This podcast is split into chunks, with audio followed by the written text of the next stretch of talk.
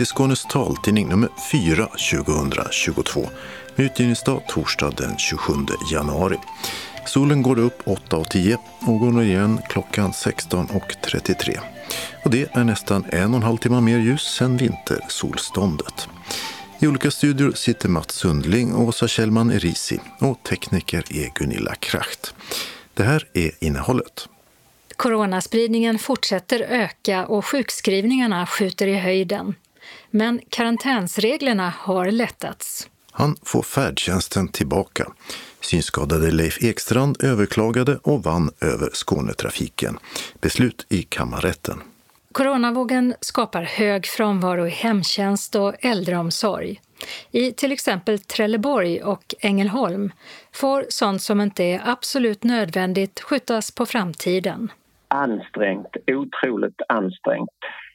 Säg att vi har en 30-40 av eh, 300 som är borta. Telegram. Regeringen vill förbjuda parkering av elsparkcyklar på trottoarer. Än en gång ställs synmässan in. Även i år satte pandemin P för Hjälpmedelsmässan. Tre personer, tre pandemihistorier. Birgitta Persson blev svårt sjuk trots att hon nästan inte träffade någon. Medan Josefina Solberg och Lars Bergqvist rört sig ut i samhället och klarat sig från smitta. Öppnat och stängt med pizza, papper och pandemistängt. Gott och blandat blir det i månadens talbokstips och lite kritik mot den långa väntan på att nya böcker blir inlästa. Evenemangstips med författarscen och blomsterbönder. Och kalender med vinter-OS, alfadam och tronjubileum. Anslagstavlan är idag gemensam för hela Skåne med meddelanden samt ändringar i kollektivtrafiken. Och allra sist redaktionsrutan. Vi börjar med coronaläget som försämrats rejält och såg ut så här i tisdags när vi gick in i studion. Antalet skåningar som har smittats av covid fortsätter stiga snabbt. Den senaste veckan har över 4 000 personer om dagen testat positivt och det är 800 fler om dagen jämfört med för en vecka sedan.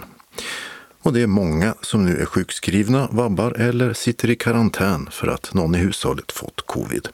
Så mycket att vård och andra viktiga samhällsfunktioner har svårt att fungera som vanligt. Andelen covid-positiva provsvar har också stigit från 44 till 55 procent på en vecka. Fler än någonsin testar sig också, vilket gör att tester är svåra att komma över. I tisdags fick man vänta 4 till 5 dagar på att få ett PCR-test från apotek och liknande. Yrkesgrupper som har behov av dem prioriteras. Medan snabbtester som går att köpa ofta är slutsålda. Den branschen har just nu försäljningsrekord. Och det är omikronvarianten av viruset som nu nästan har tagit över helt som ligger bakom den. Den här varianten har ju visat sig vara extremt smittsam och kan runda både dubbel och trippelvaccinering. Även om vaccineringen fortsätter att vara ett skydd mot allvarlig sjukdom. Effekten avtar ju över tid, så en tredje dos skyddar bättre mot att smittas av omikron och att smitta andra, sa den skånske vaccinsamordnaren Per Hagstam i torsdags.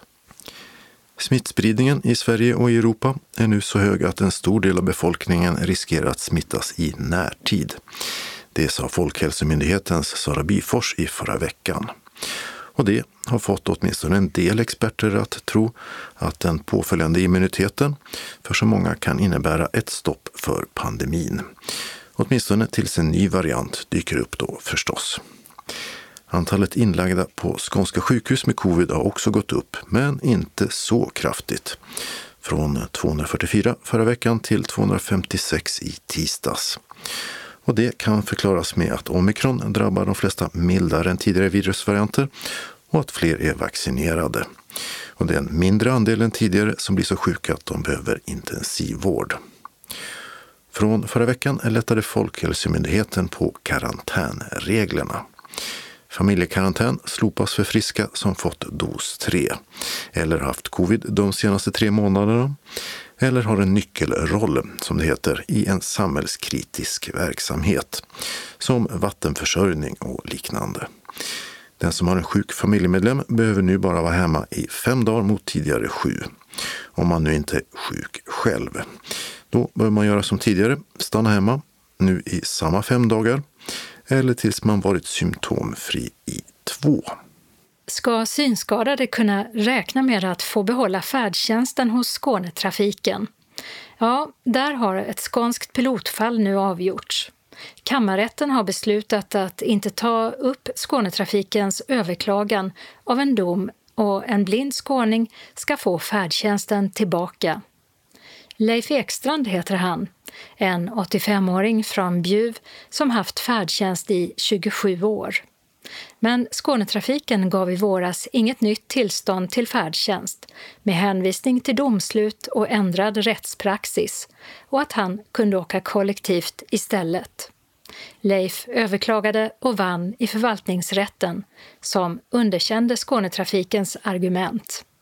Och nu har alltså kammarrätten beslutat att den domen står fast och att Leif Ekstrand ska ha färdtjänst. Ett besked han mottog med glädje. Jo, det, det har fallit en sten ifrån hjärtat om man säger så. Det har ju varit en lång period ju. Ett år med allt det här. Man, man blir lite berörd av det på många sätt. Då. Och därför är det viktigt att man kan jobba för det. Och det, det, det är tungt. Jag har haft lite hjälp av Henrik Eld som är ombudsman för synskadade. Och eh, det har väl varit en, ett stöd och därför har jag kunnat kämpa för detta. Du blev av med, eller fick snarare då inte ett förnyat färdtjänsttillstånd av Skånetrafiken i mars förra året. De tyckte att du klarade att ta dig fram i kollektivtrafiken själv och att du kunde röra dig i Bjuvs kommun utan problem och därför behövde du ingen färdtjänst. Men det höll du inte med om. Nej, det, det var ju det, det som jag säger, det har nog stor betydelse vilken handläggare som handlägger ärenden.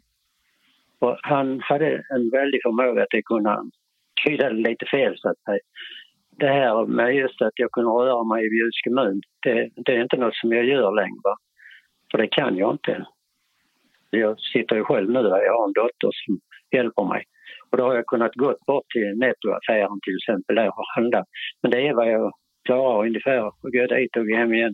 Det är beroende på att jag inte, inte bara synskadad utan jag har ju problem, haft problem med mina knä. Jag har opererat ett och fått en protes i det. Sen har jag ett, till som behövs opererat men eh, det, jag har diabetes, så alltså därför ger man sig inte på det i min ålder. Det väl inte som det ska kanske. Och sett dåligt har du gjort länge, har jag förstått. Ja, ända sedan jag var 23 år fick jag detta. Det kom ju över natt. Det är en makuladegeneration jag har som kallas för gula fläcken. De kom väldigt snabbt och det slår ju ut det centrala seendet. Ja, hur mycket ser du idag? Hur lätt har du att ta dig fram och ta kollektivtrafik som Skånetrafiken ja. tycker du kan? Det, det är så har sjukdomen, allt man tittar på, va? Det försvinner så att man har ju bara lite ledsyn i kanterna, så att säga. Som jag, jag, har, jag sitter till exempel, jag har en TV på 50 tum, va? och jag sitter en meter ifrån den. Jag kan inte läsa texten, va? jag kan knappt se vad det är för... Alltså jag får titta vid sidan om TVn för att se något sånär det mesta jag gör nu istället är att läsa talböcker. Mm. Du är lite ett pilotfall när det gäller synskadades rätt till färdtjänsten. Eh, du är i alla fall först vad vi känner till med att överklaga att du inte fick ja. något färdtjänsttillstånd. Eh, ja, hur har det varit? Ja, det kändes ju lite tufft att för det första man fick ett negativt besked och sen att man då skulle kunna överklaga där. Och det, det var ju lite grann, ska jag göra det eller är det lönt? Och det var ju så här, men men sist så gav jag mig på det ju. Då har jag haft lite hjälp av mina barn också som eh, får hjälpa mig att formulera lite och sånt. Men jag är rätt så, rätt så händig på det ändå så jag har kanske varit lite tuff i mina grejer där men, eh, men det har jag tydligen lyckats så det är väl det viktigaste. Förvaltningsrätten i Malmö kom ju i december fram till att ja, du ska ha färdtjänst. Eh, ingenting har ändrats egentligen. Nej. Du har inte blivit bättre och uppfyller villkoren enligt lagen för att få färdtjänst och ska ha den tillbaka. Nej, absolut inte. Det blir ju inte bättre med åren. Det blir tvärtom sämre, både syn och, och kroppen för övrigt. Så det, det, är en jäkla skillnad mot för 27 år sedan när jag fick färdtjänsten. Så att det, det går inte per automatik längre att få färdtjänst utan det ska prövas tydligen. Ja, vad tycker du om det? Det är fler som har blivit av med sitt färdtjänsttillstånd. Jag tycker det är tråkigt att det, det drabbar ju verkligen synskadade efter vad jag förstått. Och de är väl verkligen i behov av en hjälp alltså med att kunna ta sig, åka buss och en synskada, det är liksom det är inte lätt, man måste ju ha en ledsagare i så fall. Va? Och det är inte alltid man får det heller. De ville att jag skulle åka själv och skulle jag få hjälp av chauffören. Men i dessa tider då chauffören sitter i avskild och sånt, han kan inte hjälpa någon överhuvudtaget ju. Det, det är lite annorlunda. Och kommer man då fram till ett ställe till exempel då, och man åker bara till en busshållplats, sen ska man ta sig vidare därifrån. Och när man inte ser, va, då kan man inte se varken skyltar eller något och hitta rätt om man inte har varit på det stället tidigare kanske. Mm. Den här domen, eller snarare beslutet från kammarrätten i Göteborg kom förra veckan. Eh, har du fått färdtjänsten tillbaka? Ja, det har jag fått, men jag inte, den är inte riktigt klar nu för jag har inte något reskort ännu. Så jag har ringt in till dem idag så att eh, det skulle komma nu. De skulle skicka ett nytt reskort till mig. Så att, eh, sen ska det väl funka som vanligt och då har jag fått faktiskt så att jag kan åka kollektivt med, med ledsagarna. Och det är tydligen kostnadsfritt i hela Skåne. Mm. Och det, det, är verkligen, det är verkligen en stor skillnad gentemot man skulle åka själv så att säga, som de, de tänkte sig man skulle göra.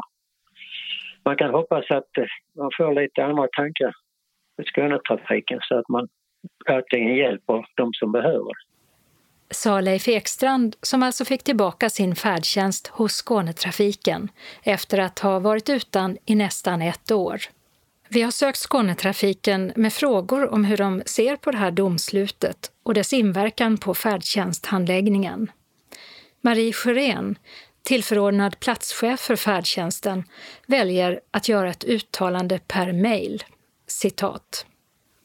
Vi uttalar oss inte i enskilda ärenden Rättspraxis är nationellt och utgör en juridisk rättskälla som hela Sverige använder vid bedömningar. Enstaka förvaltningsärenden ses inte generellt som rättspraxis utan istället brukar man när man talar om rättspraxis utgå från de högre instansernas domar, kammarrätten och Högsta förvaltningsdomstolen.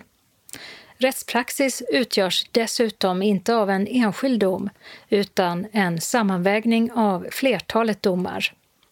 Gällande ärendet där kammarrätten nekar prövningstillstånd så kommer inte vi på Skånetrafiken att gå vidare i det ärendet utan godtar beslutet. Slutcitat. Reporter var Mats Sundling.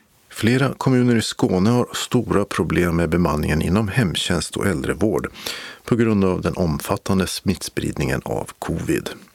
I Trelleborg löser man bemanningen dag för dag och har ett mycket ansträngt läge. Kenneth Johansson är chef för äldreomsorgen. Än så länge klarar vi av det, men under perioder så går vi ner och gör bara det mest nödvändiga av de insatser vi måste göra, det vill säga mat, medicin, hygien och sen får resten stå tillbaka. Inom till exempel hemtjänsten, vad är det som man inte gör när det är en ansträngd situation som den då är nu? Det kan ju vara till exempel promenader som man inte kan utföra på det sättet som, som man gör i normalfallet. För, för en person som är isolerad redan innan kan det ju givetvis vara, vara ett stort bekymmer. Har du varit med om en så här ansträngd situation inom eh, hemtjänst och äldrevård tidigare? Jag har ju varit med väldigt länge. Jag började 1978 och jag kan lugnt säga att jag har aldrig varit med om dess like. Jag har varit med om situationer där vi har haft enstaka dagar, kanske upp till en vecka på grund av väder eller andra eh, klimatförändringar men aldrig någonsin så här och inte så långvarigt heller. Så framåt, hur eh, planerar ni då? Ja, just nu så planerar jag inte jättelångt fram men jag tänker ju som så att även när det här avklingar så måste vi ha en beredskap för att det är ju först då medarbetare och chefer börjar känna efter att nu, nu börjar det lugna ner sig på pandemifronten och då, då känner man ju också hur otroligt trött och sliten man är. Så då måste vi ha en beredskap för att kunna hantera det från var hänseende. Om vi säger att pandemin skulle avklinga i april till exempel så tror jag att hela detta året kommer vi nog att uppleva en, en väldigt hög frånvaro för att man är så otroligt trött och sliten. Och ni har också försökt att få folk som kan hoppa in som inte normalt jobbar inom äldreomsorg. Vi har varit ute på de sociala medierna. Det var vår kommunikationsavdelning som eh, tyckte vi skulle försöka. Och, eh, jag tror vi har fått in ett hundratal totalt. Och det gäller det både bildningsförvaltning och eh, socialförvaltningen. Och i vårt område så var det ett 50-tal som var intresserade av att jobba hos oss, vilket jag tycker är otroligt positivt. Vad händer med dem nu som sagt att de kan tänka sig att jobba? De, där håller vi på just nu och, och tar referenser och ser till att eh, de förstår vad det handlar om. Vi förhör oss hur kan de jobba så att det är ett intensivt arbete hos vår bemanningsenhet nu för att få in dem i, i det dagliga arbetet. Och om du skulle ge bara en ögonblicksbild av hur det ser ut just idag med hur många som är sjuka, hur är det? Ansträngt, otroligt ansträngt. Säg att vi har en 30-40 av eh, 300 som är borta.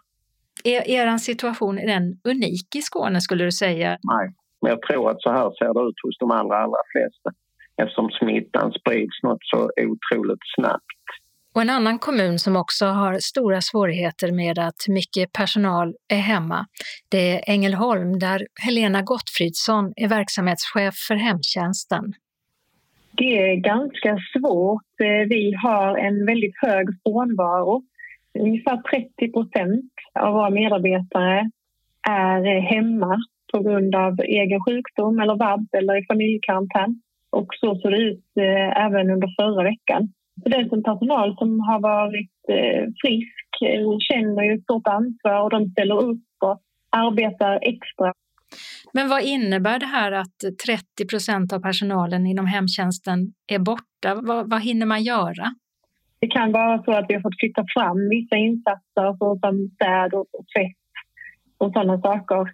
Men vi gör verkligen allt för att man, när man har hemtjänst ska känna sig trygg vi planerar om och gör så gott vi kan för att lösa det tillsammans med den, den enskilde. Det kan också innebära att, att det kommer lite annan personal som inte brukar komma hem till den personen. Och ni har också gjort så att ni har tagit in personal från andra verksamheter? Det har vi gjort. Vi har fått prioritera även där.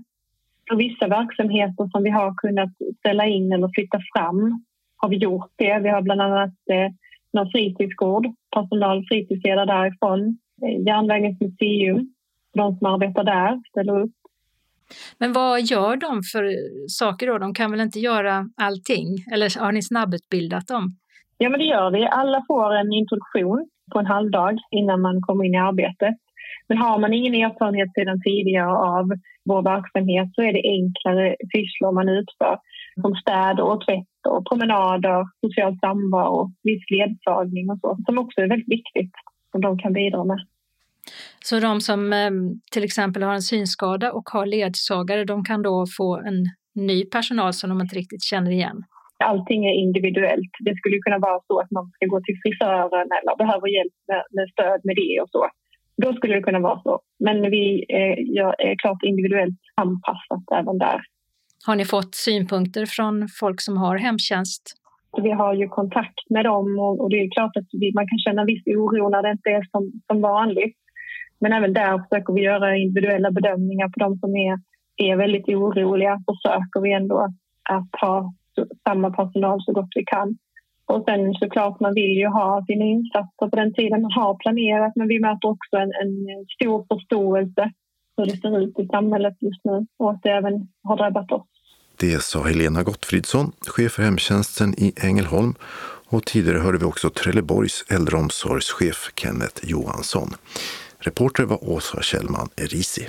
Regeringen vill förbjuda parkering av elsparkcyklar på cykelbanor och trottoarer om det inte finns särskilda p-platser där.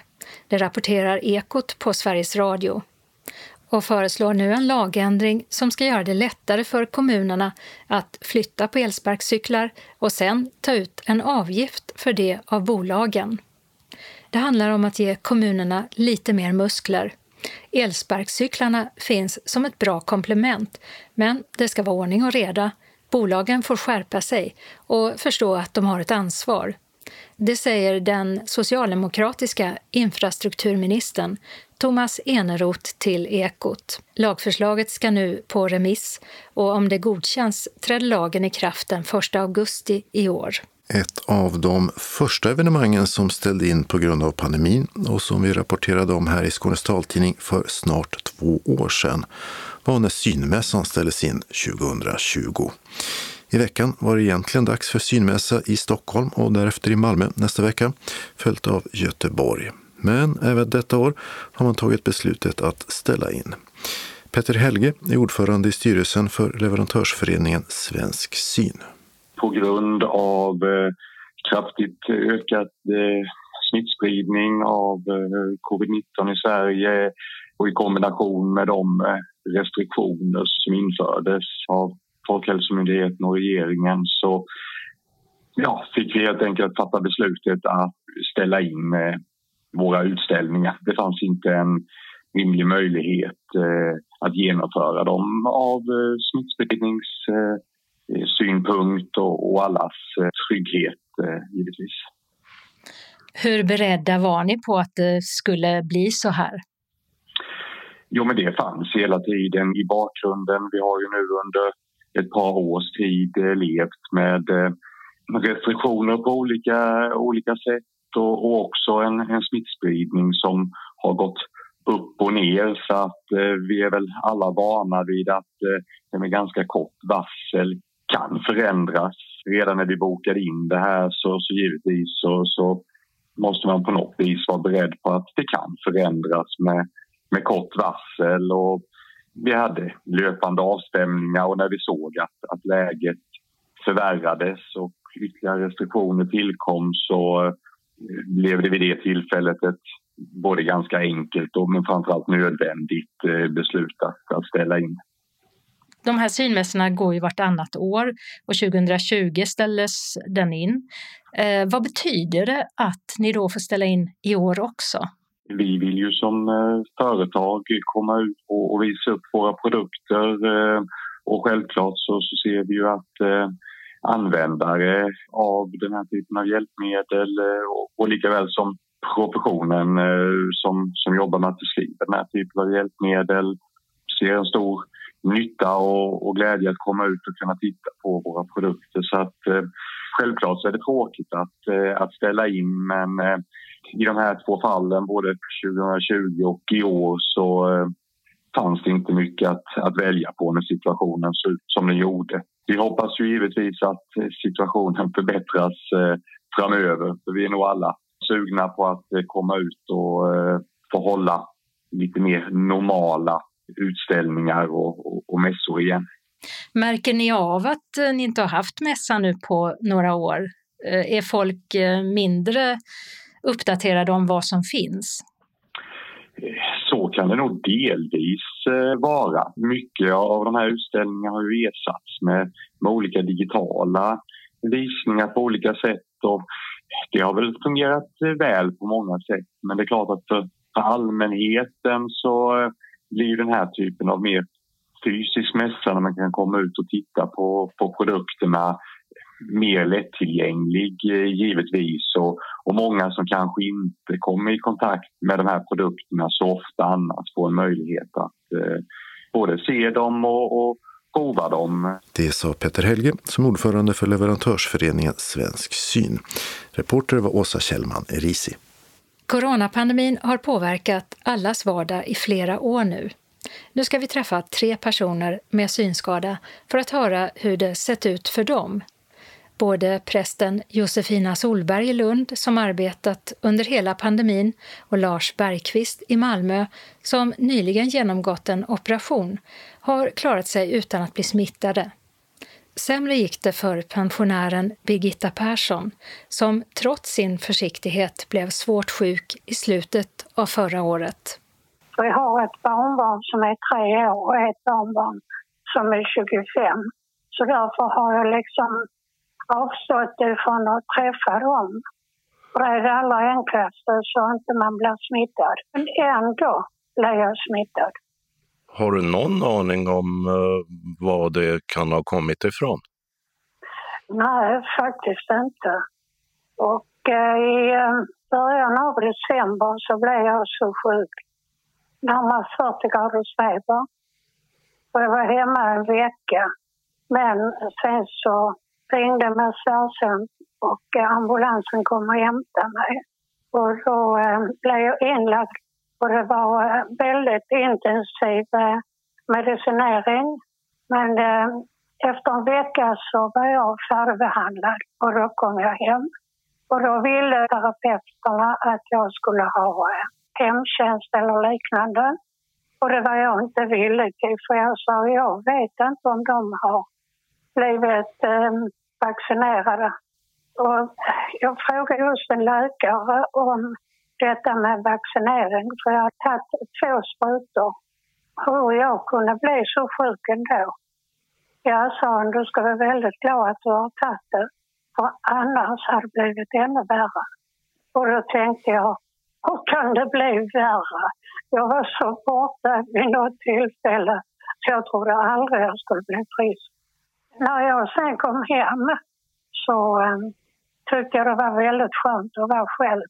För jag sov den mesta tiden. Och någon direkt matlust har man ju inte.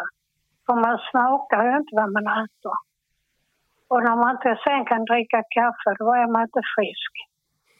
Men efter ett tag så piggnar jag till. Och det, ja, tack och lov så är det bättre nu. Men just det där med corona och lunginflammationen samtidigt, det var en tuff period. Hur känner du dig idag? Jag känner mig väldigt trött, det gör jag. Men eh, det går ju för att när man är själv så blir man ju tvingad till att, att göra saker och ting. Och jag äter frukost och lagar min mat. Det är det bästa, att man gör saker och ting än bara blir liggande. Men du träffar eh, din eh, dotter och, och, så som kommer och handlar åt dig, men ni gör ingenting annat tillsammans än, än så? Nej, det gör vi inte. Eh, jag kan säga, jag har nog aldrig varit så sjuk och blivit så rädd så att jag... Nej, jag vill hellre vara själv för säkerhets skull. Mitt barnbarn och min dotter skulle komma till fredags. Men han går ju på förskola och då var det någon som hade blivit sjuk där. Och då sa jag, nej, det går inte. Blir det inte ensamt? Jo, det är det. Men eh, tack och lov så har jag mina talböcker som jag eh, får på i brevlådan från stadsbiblioteket. Det är, eh, ja, det är mitt sällskap. Det sa pensionären Birgitta Persson i Malmö som fortfarande håller sig i sin hemkarantän. Sen eh, prästen Josefina Solberg i Lund som eh, jobbat på under pandemin. För mig har den inneburit jobb, delvis jobb hemma och jobb på plats. Den har inneburit en del oro och frustration som för många tror jag. Men också lite utrymme för återhämtning faktiskt och lite lugnare tempo i perioder. Hur har det sett ut eh, när det gäller vardagen i kyrkan, gudstjänster och så? Mycket har ju varit inställd av den verksamheten som liksom har dragit folk eller som har varit öppna mötesplatser har ju fått pausa. I perioder har också våra fysiska gudstjänster fått pausa. Vi har haft digitala sändningar och digitala inspelningar och ibland gudstjänst med färre deltagare. Eh, det som kanske framför allt har varit mest som vanligt är väl begravningar skulle jag säga.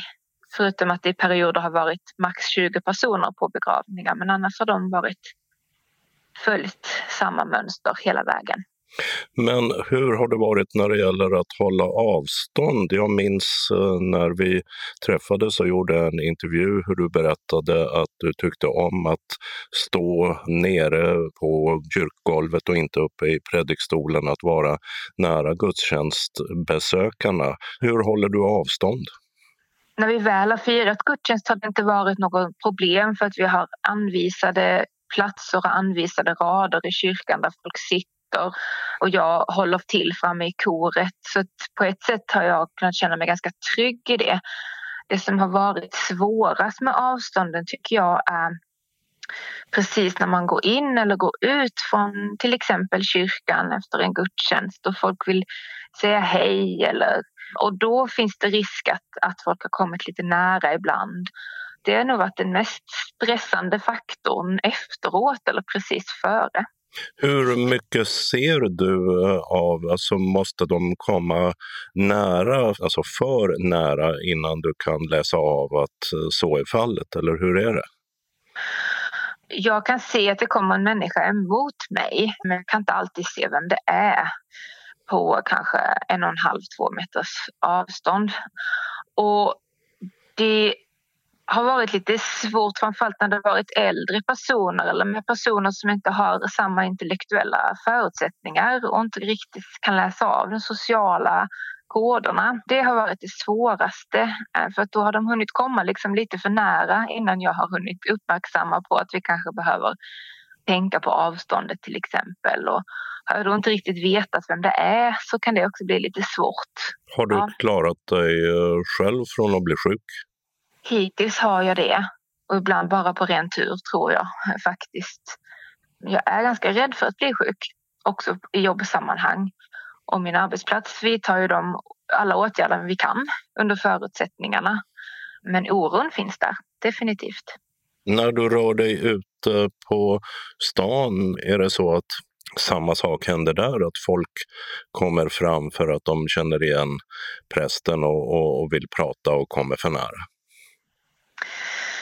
Inte så ofta. De hojtar ofta på, på stan, som tur är, de flesta. Eh, utan det är mer att man går, råkar gå in i folk som jag tycker är det svåra generellt sett. Att, att eh, jag misstar avstånd eller inte ser personer. Det är jobbigt i den här tiden faktiskt. Och slutligen Lars Bergqvist, Malmöbo, som eh, liksom Josefina Solberg klarat sig utan att eh, smittas pandemitiden har varit eh, mycket tråkig. Framför allt att man inte kan göra saker som man var van vid tidigare. Och sen är det ju så att jag hade en liten operation här i, i höstas och efter det så har jag varit lite noggrann här med tanke på infektionsrisk att eh, försöka hålla mig undan covid-smittning.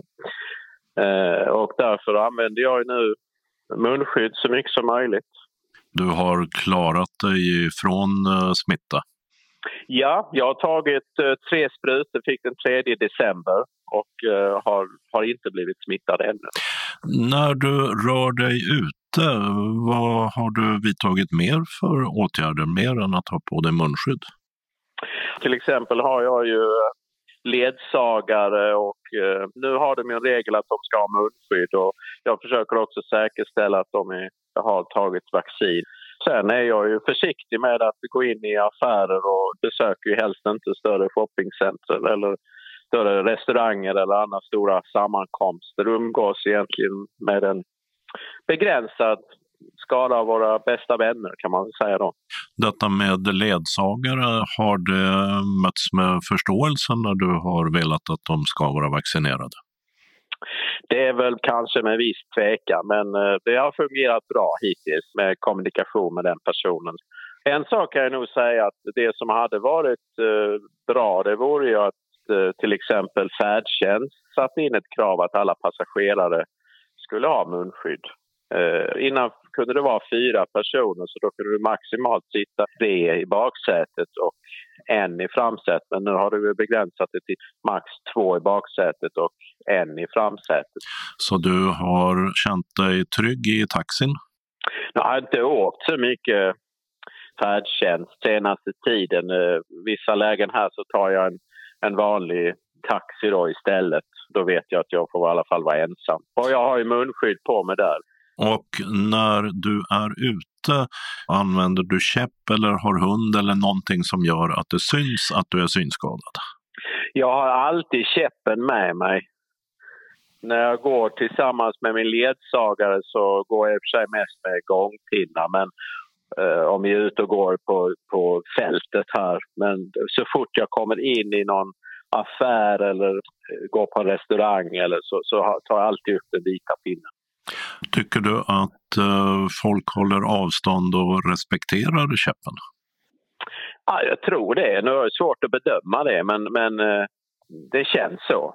Själv, jag är nästan aldrig ute själv i någon affär eller så. Jag har ju alltid med mig någon som hjälper mig. Och nu är vi inne i en eh, ny våg sedan ett tag eh, tillbaka och ökad smitta samtidigt som det går ner när det gäller folk på sjukhusen. Är du orolig för eh, hur det ska gå eller hur ser du på situationen i allmänhet?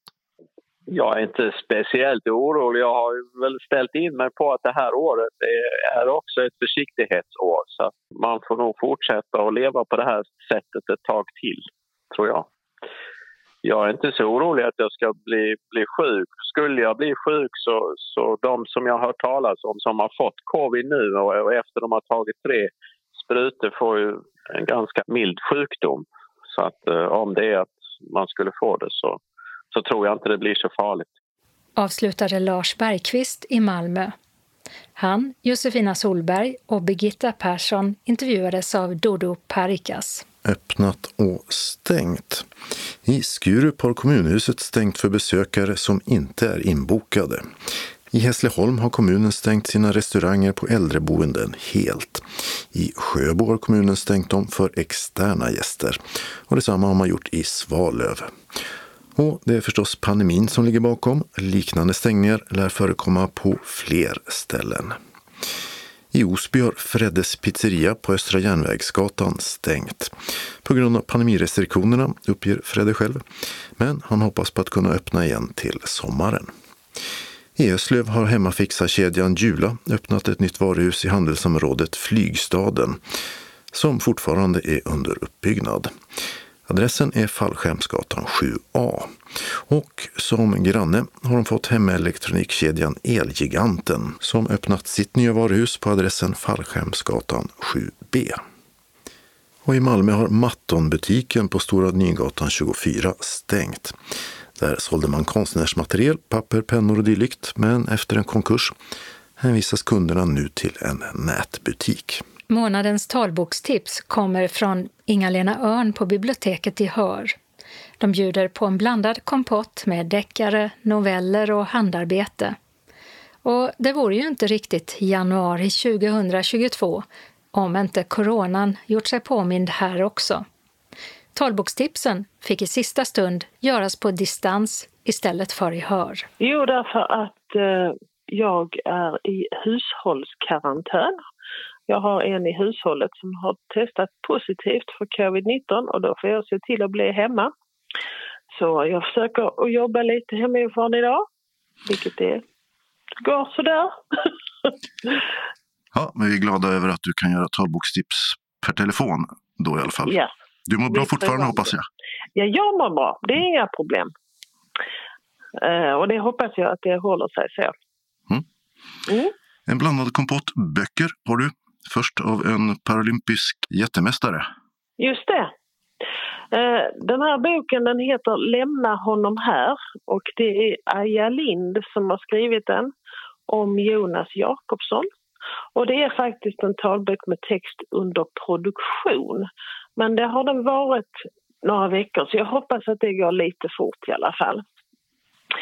Eh, efter ett 30-tal paralympiska medaljer bland annat 17 guld i skytte så vet nästan alla vem jag pratar om. Eh, Jonas Jakobsson han kunde vi alltid lita på när det gällde medaljer. Och det här det är hans historia skriven av hans fru. Eh, när Jonas var tre månader gammal så upptäckte hans föräldrar att det var någonting som inte riktigt stämde. Och eh, efter utredningar så visade det sig att han var förlamad från midjan och neråt. Och läkarna som konstaterade de här, de tyckte att eh, föräldrarna kunde lämna honom på sjukhuset så skulle han bli omhändertagen på ett sjukhem. Men eh, det fanns ju inte en chans i världen att hans föräldrar skulle lämna honom där utan de tog med honom hem till sina bröder naturligtvis. Och det här är en berättelse om en väldigt inspirerande berättelse om man, man faktiskt kan göra om man bara har bestämmer sig för det. Och Jonas föräldrar de lät honom växa upp som vilken unge som helst. Han gjorde, han gjorde precis som sina bröder. Han var med och spelade fotboll och hans pappa byggde en vagn till honom som han kunde ta sig fram på. Eh, vi får dels följa med på den här makalösa sportsliga resan som han gjorde. Eh, men också eh, med andra typer av resor som han har gjort. Han har rest väldigt mycket rent fysiskt i världen tillbringar mycket tid i Australien. Men han har ju också naturligtvis gjort en inre resa. Och det här är intressant. Det är en person som vi alla på något sätt vet vem det är, men som man kanske vet lite lite om. Så det tyckte jag var en mycket trevlig bok att läsa. Mm. Ja, mental styrka får man ju, eller ska ha i skytte om man ska vara så framgångsrik som han har varit. En av de största ja. någonsin. Sen hade du en ny deckare av en gammal välkänd författare. Ja, det är eh, Peter May som jag har skrivit väldigt många bra deckare innan och han har ju en tendens att skriva i eh, trilogier, skriver om olika poliser och olika ställen. Och nu har han påbörjat en ny trilogi här, skulle jag tro att det blir i alla fall. Den heter Tyst offer och inläsare är Marie-Therese Sarrazin och det är en talbok med text och den tar 11 timmar och 46 minuter samt det finns som punktskrift. Eh, mig, han slog ju igenom stort med den här Levis-trilogin som kom för ett antal år sedan ut från Levisöarna. Och sen har han då förflyttat sig mellan olika länder och platser. Och det här är en ny bekantskap nu. Polisen som eh, finns i den här boken heter John McKenzie. och han är en udda, väldigt högt utbildad polis som har väldigt svårt för att hantera sociala relationer. Och han kommer på kant med allt och alla. Och det enda han egentligen är intresserad av det är att studera. Så det gör han på all sin lediga fritid. Eh, han får i alla fall ett väldigt enkelt uppdrag till synes att hämta hem en brottsling från södra Spanien till England med flyg. Men någonting går väldigt fel i den här tänkta planen. För i Spanien så har det nämligen där börjar handlingen med ett polisingripande vid ett misstänkt pågående inbrott i en lyxvilla. En kvinna blir skjuten och mannen i huset visar sig vara en efterlyst brottsling som gömt sig under lång tid i Spanien. Uh, han bestämmer sig för att hämnas på den kvinnliga polisen som han tycker är skyldig till kvinnans död. Och den här kvinnliga polisen, Kristina, hon får dessutom i uppdrag att hantera den ganska besvärliga John Mackenzie som då blir inblandad i utredningen. Det som är riktigt intressant i den här boken, det är ett väldigt bra deckare på många sätt, men det är att Kristina har en moster, Anna. Hon lider av en mycket sällsynt sjukdom som faktiskt finns. Och hon har varit dövblind under hela sitt vuxna liv. Hon är en mycket viktig person i Kristinas liv, vilket tyvärr den här brottslingen på rymmen får reda på. Mm. Det här är en riktig nagelbitare kan jag säga. Eh, Peter May han är ju en fantastisk, makalös miljöskildrare och det är väldigt svårt att sluta läsa. Och varför skulle man göra det egentligen? Det är ju bara att fortsätta. Sen eh, går jag till eh, en favoritsyssla du har skaffat dig, om jag har förstått det rätt. Ja, jag tror att det delvis är en sån här coronabieffekt. Jag tror inte jag är ensam om det här. Det här är en bok som kom för ett antal år sedan som heter Håll käften, jag räknar. Och det är Julia Skott som har skrivit den och inläsare är Anna Döbling. Och det är en talbok med text och den tar 5 timmar 18 minuter att läsa. Samt det finns även som punktskrift. Jag har nämligen drabbats av någonting de senaste åren och det är stickning. Allt handarbete som jag har sysslat med genom åren det tenderar till att helt eh, ta över mitt liv under vissa perioder.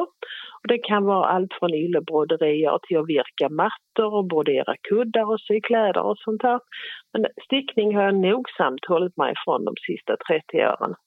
Men så såg jag en otroligt fint mönster på en islandströja och jag tänkte att jag kunde kanske prova, jag kanske kan. Och nio tröjor senare så kan vi säga att jag har fastnat i det här också. Mm. Jag håller på med min tionde tröja nu. Eh, men den här boken är betraktelser om just stickning och allting som hör till. Och den är vansinnigt rolig. Och jag tror faktiskt att den är rolig även om man inte som jag stickar hela tiden som en galning. Författaren som är journalist i yrket och som även har en podd om stickning behandlar olika aspekter på stickning och handarbete mycket utifrån alla de fördomar som vi har om detta. Och så finns det lite historia med. Citat, vi har hållit på med tråd och pinnar skitlänge. Slut på citat. Och man kan egentligen säga att hela den här industriella revolutionen började just med stickning. I alla fall om man tänker som en stickare. Det är kul och det är träffsäkert, lärorikt och man får reda på varför alla stickare reser sig plötsligt upp i alla sammanhang där man kan sticka. Bara för att höra klirret i golvet från den där lilla dibbidutten som man plötsligt tappat i stickningen. Gud förbjude heltäckningsmattor. Dibbidutt? En dibbidutt.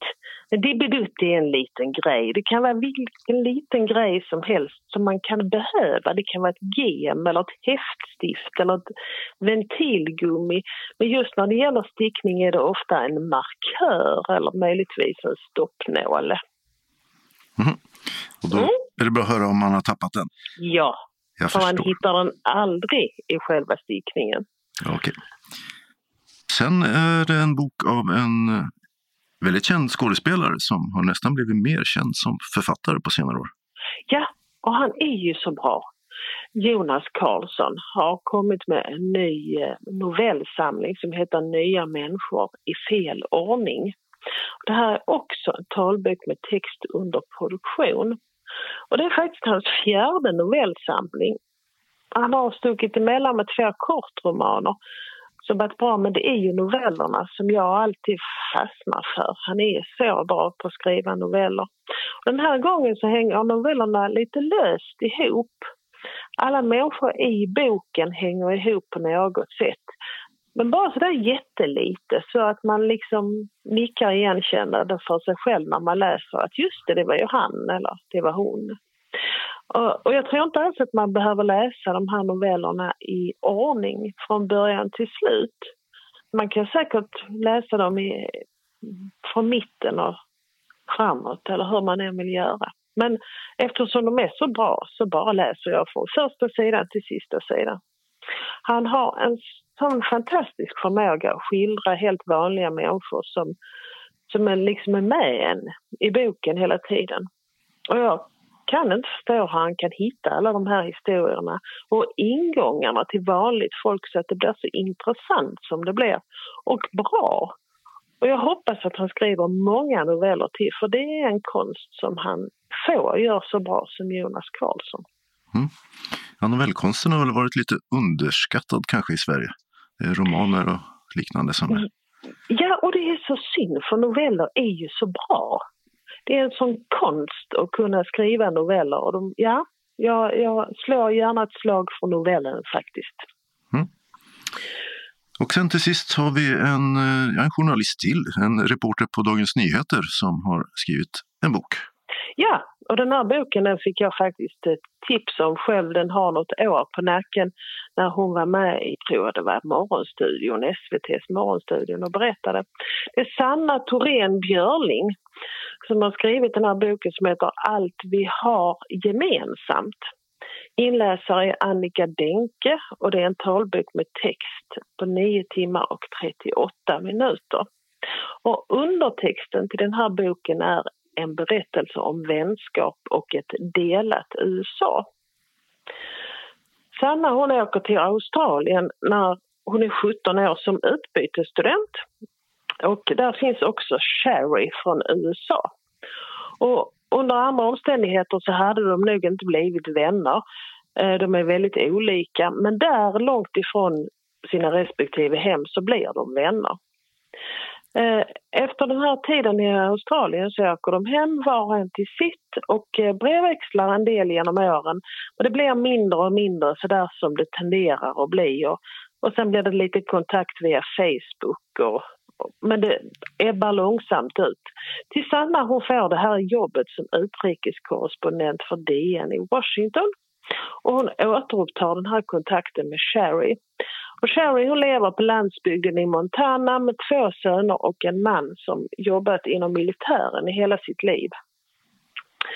Sanna skriver ett brev till Sherry efter att Sanna har sett en bild på Facebook som Sherry lagt upp på sin mycket unge son som står och skjuter mot en tavla. Och Sanna undrar hur Sherry ser på att hennes lille son skjuter och skriver att vi i Sverige tycker i allmänhet att barn och vapen inte hör ihop och att vi kanske ställer oss mycket frågande till det här med till exempel beväpna lärare i skolor vilket diskuteras i USA efter skolskjutningar och så. Det dröjer men till sist så kommer det ett svar från Sherry. Och det här är då början till den här mycket stora frågan.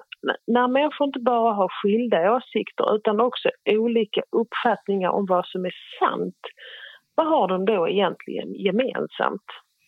Och hur kan amerikaner i storstäderna ha en så otroligt annorlunda uppfattning om sanningen än vad de har som bor på landsbygden? Och det är ju den här det delade USA som vi så tydligt kan se utifrån i alla fall, som den handlar om. Det är en väldigt, väldigt intressant bok.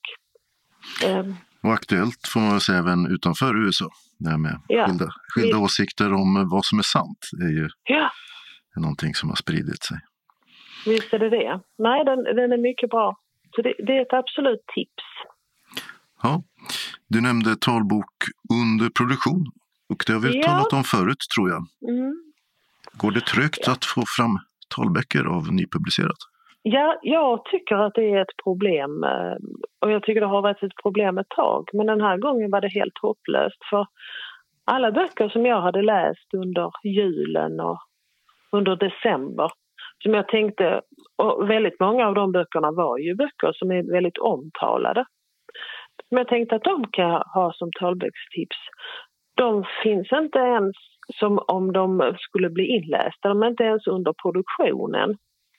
Och jag kom på det någon gång i somras, någon bok jag pratade om då som, jag, som precis kom fram som under produktion i status. Men det tog alltså fem månader innan den var klar. Så att det börjar kännas lite svårt att prata om de här böckerna som är alldeles nya för att de finns faktiskt inte tillgängliga. Och det, talböcker. Och det ska de ju vara och bli normalt. Normalt sett så, så har det inte varit något problem innan. Men, eh, men just nu tycker jag att det är väldigt, väldigt långsamt. Därav denna något annorlunda, eh, vad ska vi kalla det för, gott och blandat i talboks, på talbokstipsfronten. Um, nej, men det, det, vi får se om det rättar till sig. Men just nu så tycker jag att det tar lite för lång tid. Det sa Inga-Lena Örn på Hörs bibliotek om den långa väntan på talboksproduktion här sist. Böckerna hon tipsade om var alltså Lämna honom här av Aja Lind om Jonas Jakobsson. Talbok med text under produktion. Tyst offer av Peter May som talbok med inläsaren Marie-Therese Sarasin samt i punkt. Håll käften, jag räknar av Julia Skott inläst av Anna Döbling och i punkt. Nya människor i fel ordning av Jonas Karlsson, en talbok under produktion. Allt vi har gemensamt av Sanna Thorén Björling med Annika Denke som inläsare. Reporter var Mats Sundling. Evenemangstips så. Och det blir med det sedan en tid sedvanliga brasklapparna om att evenemang kan flyttas fram eller ställas in beroende på coronaläget och förändrade restriktioner. Men följande gäller när detta nummer av taltidningen spelas in tisdag den 25 januari. Många evenemang kräver också vaccinationsbevis samt legitimation, även om det inte anges vid tipset. Så kolla med arrangören eller biljettförsäljningen. Trelleborgsrevyn ställer in alla kommande föreställningar i januari och februari av årets nyårsrevy i full förklädnad på grund av smitta i ensemblen. Endast premiären hann spelas innan beslutet togs. De som köpt biljetter får tillbaka pengarna på inköpsstället. Förhoppningar finns om att kunna genomföra fler föreställningar senare i vår. Klimakteriet, Det ska hända dig med, är namnet på ett samtal med Malin Jakobsson Båt, journalist på Sveriges Television. Evenemanget streamas på Zoom och Facebook från Regionmuseet i Kristianstad den 1 februari 18.30 till 20.00 och bygger på tv-serien Det ska hända dig med som visades på SVT 2018. En länk till samtalskvällen går att hitta på hemsidan regionmuseet.se pa gang och det hela är gratis. Onsdagar från den 2 februari till och med 15 juni är det lunchmusik på orgel i Allhelgonakyrkan i Lund mellan 12.15 och 12.45. Det är fri entré. Puben Jan Bull med adress Bantorget 2 i Lund arrangerar för sjätte året i följd en så kallad songwriterfestival med 50 sångskrivare, singer-songwriters, som bjuder på 100 nyskrivna tonsatta berättelser under två dagar, den 2 och 3 februari med start 18 båda kvällarna. Artisterna uppträder växelvis på två scener. Publiken uppmanas att hålla avstånd och stanna hemma vid sjukdom. Det är fri entré. Blomsterbönder är en föreläsning på Landskrona stadsbibliotek den 8 februari 18 19 med trädgårdsjournalisten och författaren Lisa Ising om hållbara odlare av snittblommor som på senare tid vuxit upp runt om i landet. Från Smygehuk i söder till Västerbotten i norr. Dagen därpå, alltså den 9 februari klockan 18, föreläser journalisten Per Brinkemo under rubriken Mellan klan och stat. En inblick i hur klansamhället fungerar. Anmälan till bägge föreläsningarna görs på e-postadress biblioteketvuxen.program landskrona.se eller telefon 0418 47 35 00. Malmö stadsbibliotek har kört igång sin författarscen för våren. För att komma in krävs vaccinationsbevis plus legitimation. Alla program börjar klockan 19 och det är fri entré. Onsdagen den 23 februari gästas författarscenen av Nina Wähä, belönad med Sveriges Radios romanpris för romanen Testamente, vars huvudperson Annie återvänder från Stockholm till sin fattiga finska familj i uppväxtårens Tornedalen. Tillbaka till mörka familjehemligheter. I år kom romanen Babetta som utspelas på ett franskt slott där två ungdomsväninnor sammanstrålar. Måndagen den 19 mars blir det ett dubbelbesök av mexikanska Fernanda Melchor som i sin senaste bok skriver om ett avgrundslikt klassamhälle präglat av våld, drogkarteller och giftig maskulinitet. Och kanadensiska Miriam Tice, vars uppmärksammade bok Kvinnor som pratar handlar om en kristen menonitkoloni i Bolivia, där kvinnor drogats och våldtagits. Någon dag senare, den 24 mars, kommer Judith Schalansky, född i dåvarande Östtyskland. Hon har bland annat skrivit förteckning över några förluster som berör minnen och den politiska betydelsen av omtolkningar av det förflutna. Teman som är välkända för tidigare östtyskar. Akademiledamoten Birgitta Trotzig växte upp i Kristianstad och bodde länge i Lund, där hon avled 2011. I vår spelar Malmö Opera den nyskrivna operan på andra sidan havet efter Trotzigs novell med samma namn. Den 7 april samtalar Jenny Tunedal, Ida Börjel och Jonas Brun om Trotzigs författarskap och artister från Malmö Opera framför smakprov ur föreställningen.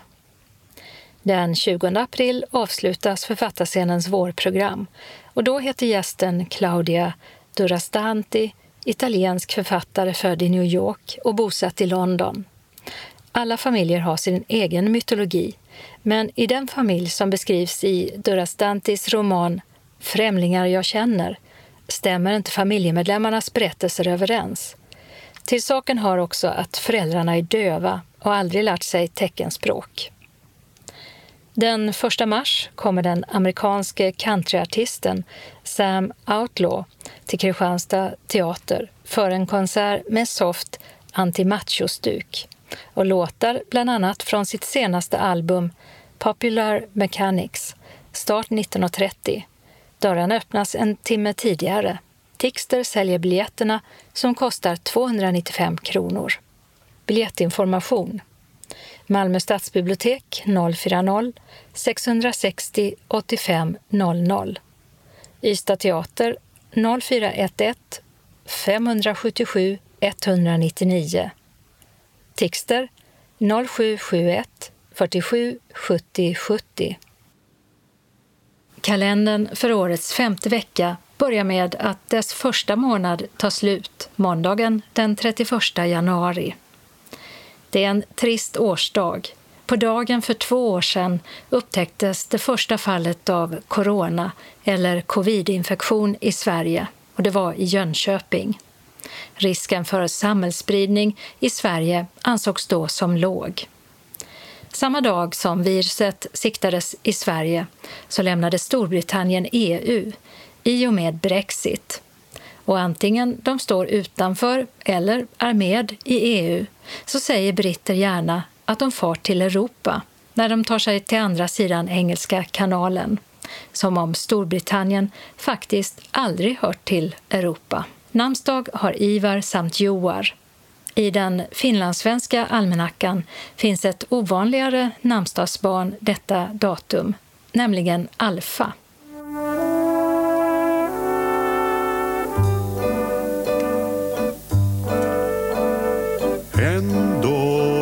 herden glad Ty när hans dagar blev för tunga. Gick han och tänkte ut en visa som han kunde sjunga. För fåren glimtar av härlighet detta var Martin Ljung samt Gunnar Svensson och Salongsorkestern med en snutt ur Hedens sång om Heden ur Hasse och Tages revy Spader Madame från 1969. Musiken av den österrikiske tonsättaren Franz Schubert ur första satsen av hans åttonde symfoni. Och just denna dag har det gått 225 år sedan Schubert kom till världen. Betydligt kortare tid har passerat sedan en världskänd amerikansk kompositör föddes, nämligen Philip Glass, skaparen av minimalistisk musik och aktuell på Malmö Opera förra året med Circus Days and Nights tillsammans med svenska Cirkus Cirkör. Glass fyller nu 85 år. Tisdagen den 1 februari tar vi klivet in i Göjemånaden som troligen har betydelsen månaden med tunn snö. Max och Maximilian kan fira namnsdag en dag då även välkända förbrytare börjar bli till åren.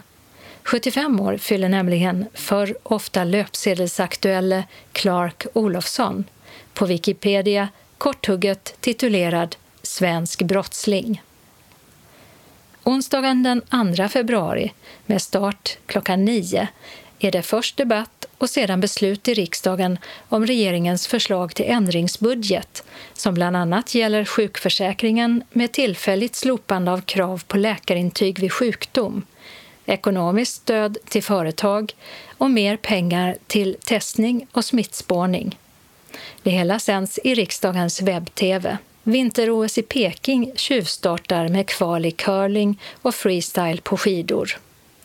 Samma dag infaller Kyndelsmäss, tidigare kallad Jungfru Marie kyrkogångsdag, då man åtminstone förr tände många ljus. Kyndel betyder här just ljus, som i engelska candle och estniska kynal, och ingen alls har namnsdag detta datum. Torsdagen den 3 februari är det Disas och Hjördis namnsdag. Och 50 år har passerat sedan Japan anordnade vinter-OS i Sapporo. Fredagen den 4 februari invigs ett nytt vinter-OS på nationalstadion i Peking. Inför vinterspelen som avgörs på tre olika orter har kinesiska myndigheter varnat för att de kommer att bestraffa OS-deltagare som går emot kinesiska lagar och regler. Det har tolkats som att till exempel politiska protester även utanför själva tävlingarna skulle kunna leda till indragning av OS-akkrediteringen eller, skriver DN, inom citattecken, speciella straff. Med start klockan nio blir det en webb-tv-sänd extrainsatt debatt i riksdagen om de rekordhöga svenska elpriserna. Och så är det Anskar och Anselm som har namnsdag. Fram till 1901 användes Ansgars latinska namnform, Ansgarius i namnsdagslängden. Lördagen den 5 februari är det Agatas samt Agdas namnsdag. 50 år fyller juristen Mary Donaldson från Australien.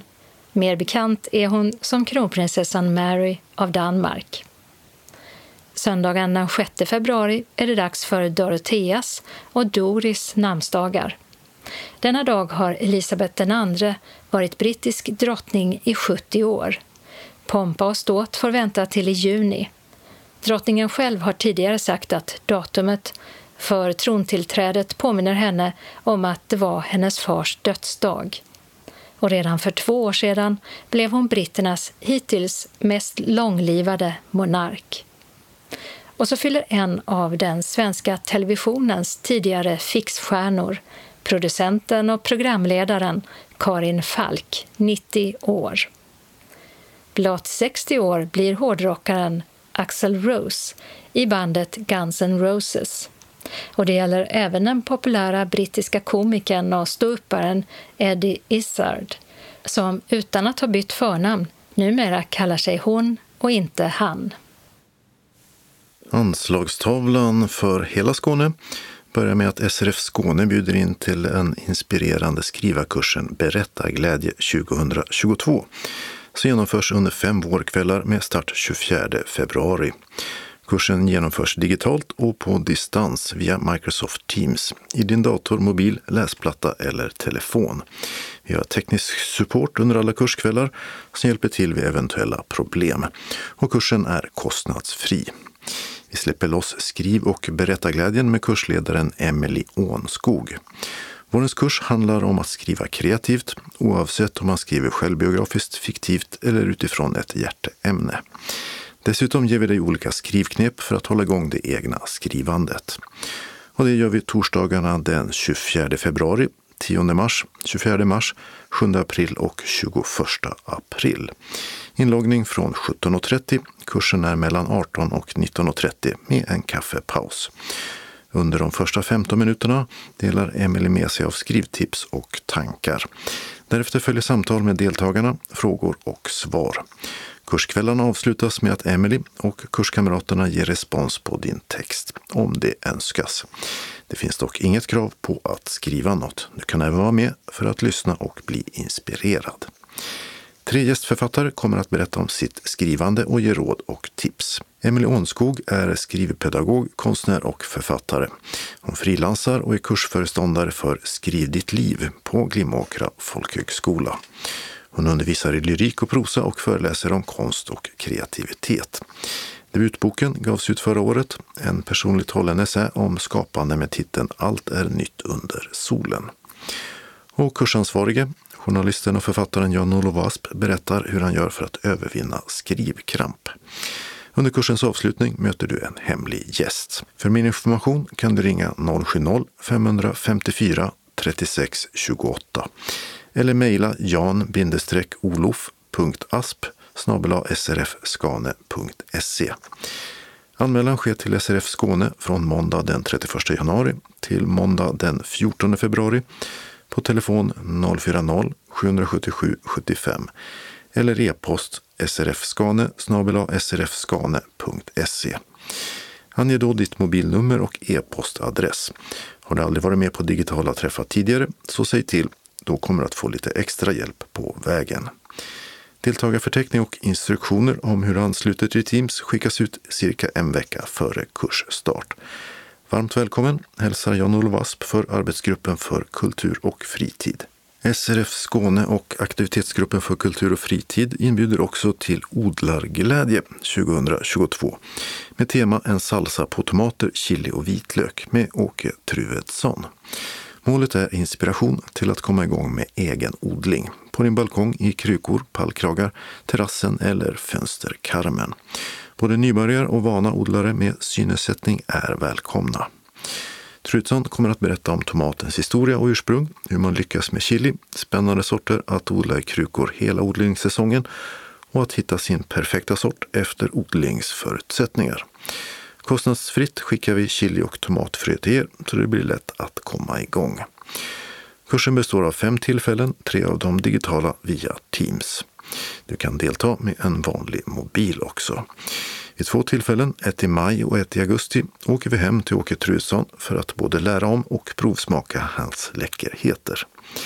Reservera dessa tider måndag den 21 februari 18 till 20. Uppstartsmöte med Liss Malmborg och vår tekniska support Mikael Werngren. Måndag 28 februari 18 till 20 digitalt föredrag Lyckas med odling. Måndag 15 mars 18 till 20 digitalt föredrag Tomater. Och lördagarna 14 maj och 27 augusti klockan 10 till 13 träffa hemma hos Åke Truedsson i Håslöv. Kursavgiften är för medlemmar 200 kronor. Den är gratis för barn upp till 6 och för barn mellan 7 och 12 år är det halv kostnad. Icke-medlemmar betalar faktiskt pris. En lätt vegetarisk lunch ingår på en av de två träffarna. Anmälningsavgiften kan du betala in till bankgiro 484-0989 eller swisha till nummer 123 312 6299. Glöm ej skriva ditt namn och odlarglädje. Vill du ha en inbetalningsavi så säg till. Sista anmälningsdag är fredag den 4 februari till SRF Skåne. För mer information kan du kontakta Liz Malmborg som är aktivitetsansvarig på telefon 0702 42 60 74 eller mejla till liss som stavas med två z, .malmborg gmail.com. Eller så kan du ringa Maj-Britt Ryman på 0703 24 66 09. Den lokala delen av anslagstavlan börjar med en inbjudan från SRF Kristianstad Bromölla till kamratträff. Torsdag den 17 februari klockan 14 till 16.30 i Östermalmskyrkan, Lasarettsboulevarden 6. Före detta bibliotekarie Kerstin Lovén kommer då att underhålla oss med att berätta skrönor vilket hon gör med stor inlevelse. Dessutom kommer vi att fika tillsammans. Anmäl dig senast onsdag den 9 februari till TINA, telefon 070-635 41 14. Varmt välkomna! SRF Lundabygden bjuder in till en lärorik kulturafton den 9 februari då Reine Gunnarsson kommer och visar och lär oss hjärt och lungräddning. Detta är något vi alla bör kunna så att vi vid behov kan hjälpa en medmänniska. Även om det gått en liknande utbildning tidigare så skadar det aldrig att damma av kunskaperna. Du bjuds på kaffe och något smarrigt att äta samtidigt som det finns utrymme att ställa frågor. Vi samlas klockan 18 i källaren på vår föreningslokal på Tordensvägen 4i i Lund och beräknar vara klara klockan 21. Anmäl dig till kansliet telefon 046-211 06 74 och din anmälan behöver ha senast den 2 februari. Avgiften är 50 kronor. Välkommen! SRF Lundabygdens valberedning söker kontakt med personer som vill engagera sig i föreningens styrelse och verksamheter. Vid årsmötet den 12 mars är det dags att välja en styrelseordförande på ett år samt fyra ledamöter, varav tre på två år och en på ett år. På årsmötet ska vi också välja medlemmar som vill representera SRF Lundabygden vid SRF Skånes års och höstmöten. Du som är intresserad av att engagera dig i Lundaföreningen kan anmäla ditt intresse till någon av oss i valberedningen. Det hälsar Ann-Kristin Fast som har telefon 0703 14 14 56 och Torgil Möller 0725 72 27 95 samt Birgitta Ekenberg som nås på 073 222 68 74. SRF Malmö Svedala välkomnar först till sin dagverksamhet. Måndag den 31 januari klockan 13 till 15 blir det tidningsläsning och eller frågesport. Och tisdag den 1 klockan 13 till 15.15 15 blir det bingo. Vi serverar kaffe och smörgås eller kaka för 10 kronor. Och vi vill att alla anmäler sig till kansliet. Telefon 040-25 05 40 eller info srfmalmo.se om man tänker komma senast klockan 10 samma dag. Känner man sig sjuk så stannar man hemma. SRF Malmö Svedala bjuder också in till sopplunch på föreningen. Välkommen till den fredag den 4 februari klockan 13. Vi bjuder på ärtsoppa och pannkaka och avslutar med kaffe och en liten kaka. Är du medlem får du allt det här för 30 kronor. Ej medlemmar betalar 50. Färdtjänsthem kan beställas till klockan 14.30. Vill du vara med så anmäl dig till kansliet senast tisdag den 1 februari. Varmt välkomna hälsar styrelsen. SRF Västra Skåne bjuder först in till onsdagsträffen den 2 februari klockan 13 15 i SRFs lokal på Vaktegatan 3 i Helsingborg. Åter är det dags för bingo. Bingobrickorna kostar 10 kronor och fikat 30 eftersom hälsovårdsmyndigheten meddelat att det endast får vara 20 sittande personer i en gemensam sal måste du anmäla dig för att veta om du får plats och kan komma. Telefon 042 15 83 93 eller e-posta till srf.monica med ett k snabelatelia.com senast måndag den 31 januari. Välkomna! SRF Västra Skåne bjuder sen in till cirkelgympa start måndag den 7 februari klockan 14 till 15 i SRFs lokal. Kursavgiften är 250 kronor för 10 gånger. Och det är Mikael Grönhed som kommer att hålla i kursen. Till musik gör vi olika rörelser medan vi sitter eller står. Allt efter vars och ens förmåga. Konditionen tränas upp vilket förbättrar hälsan.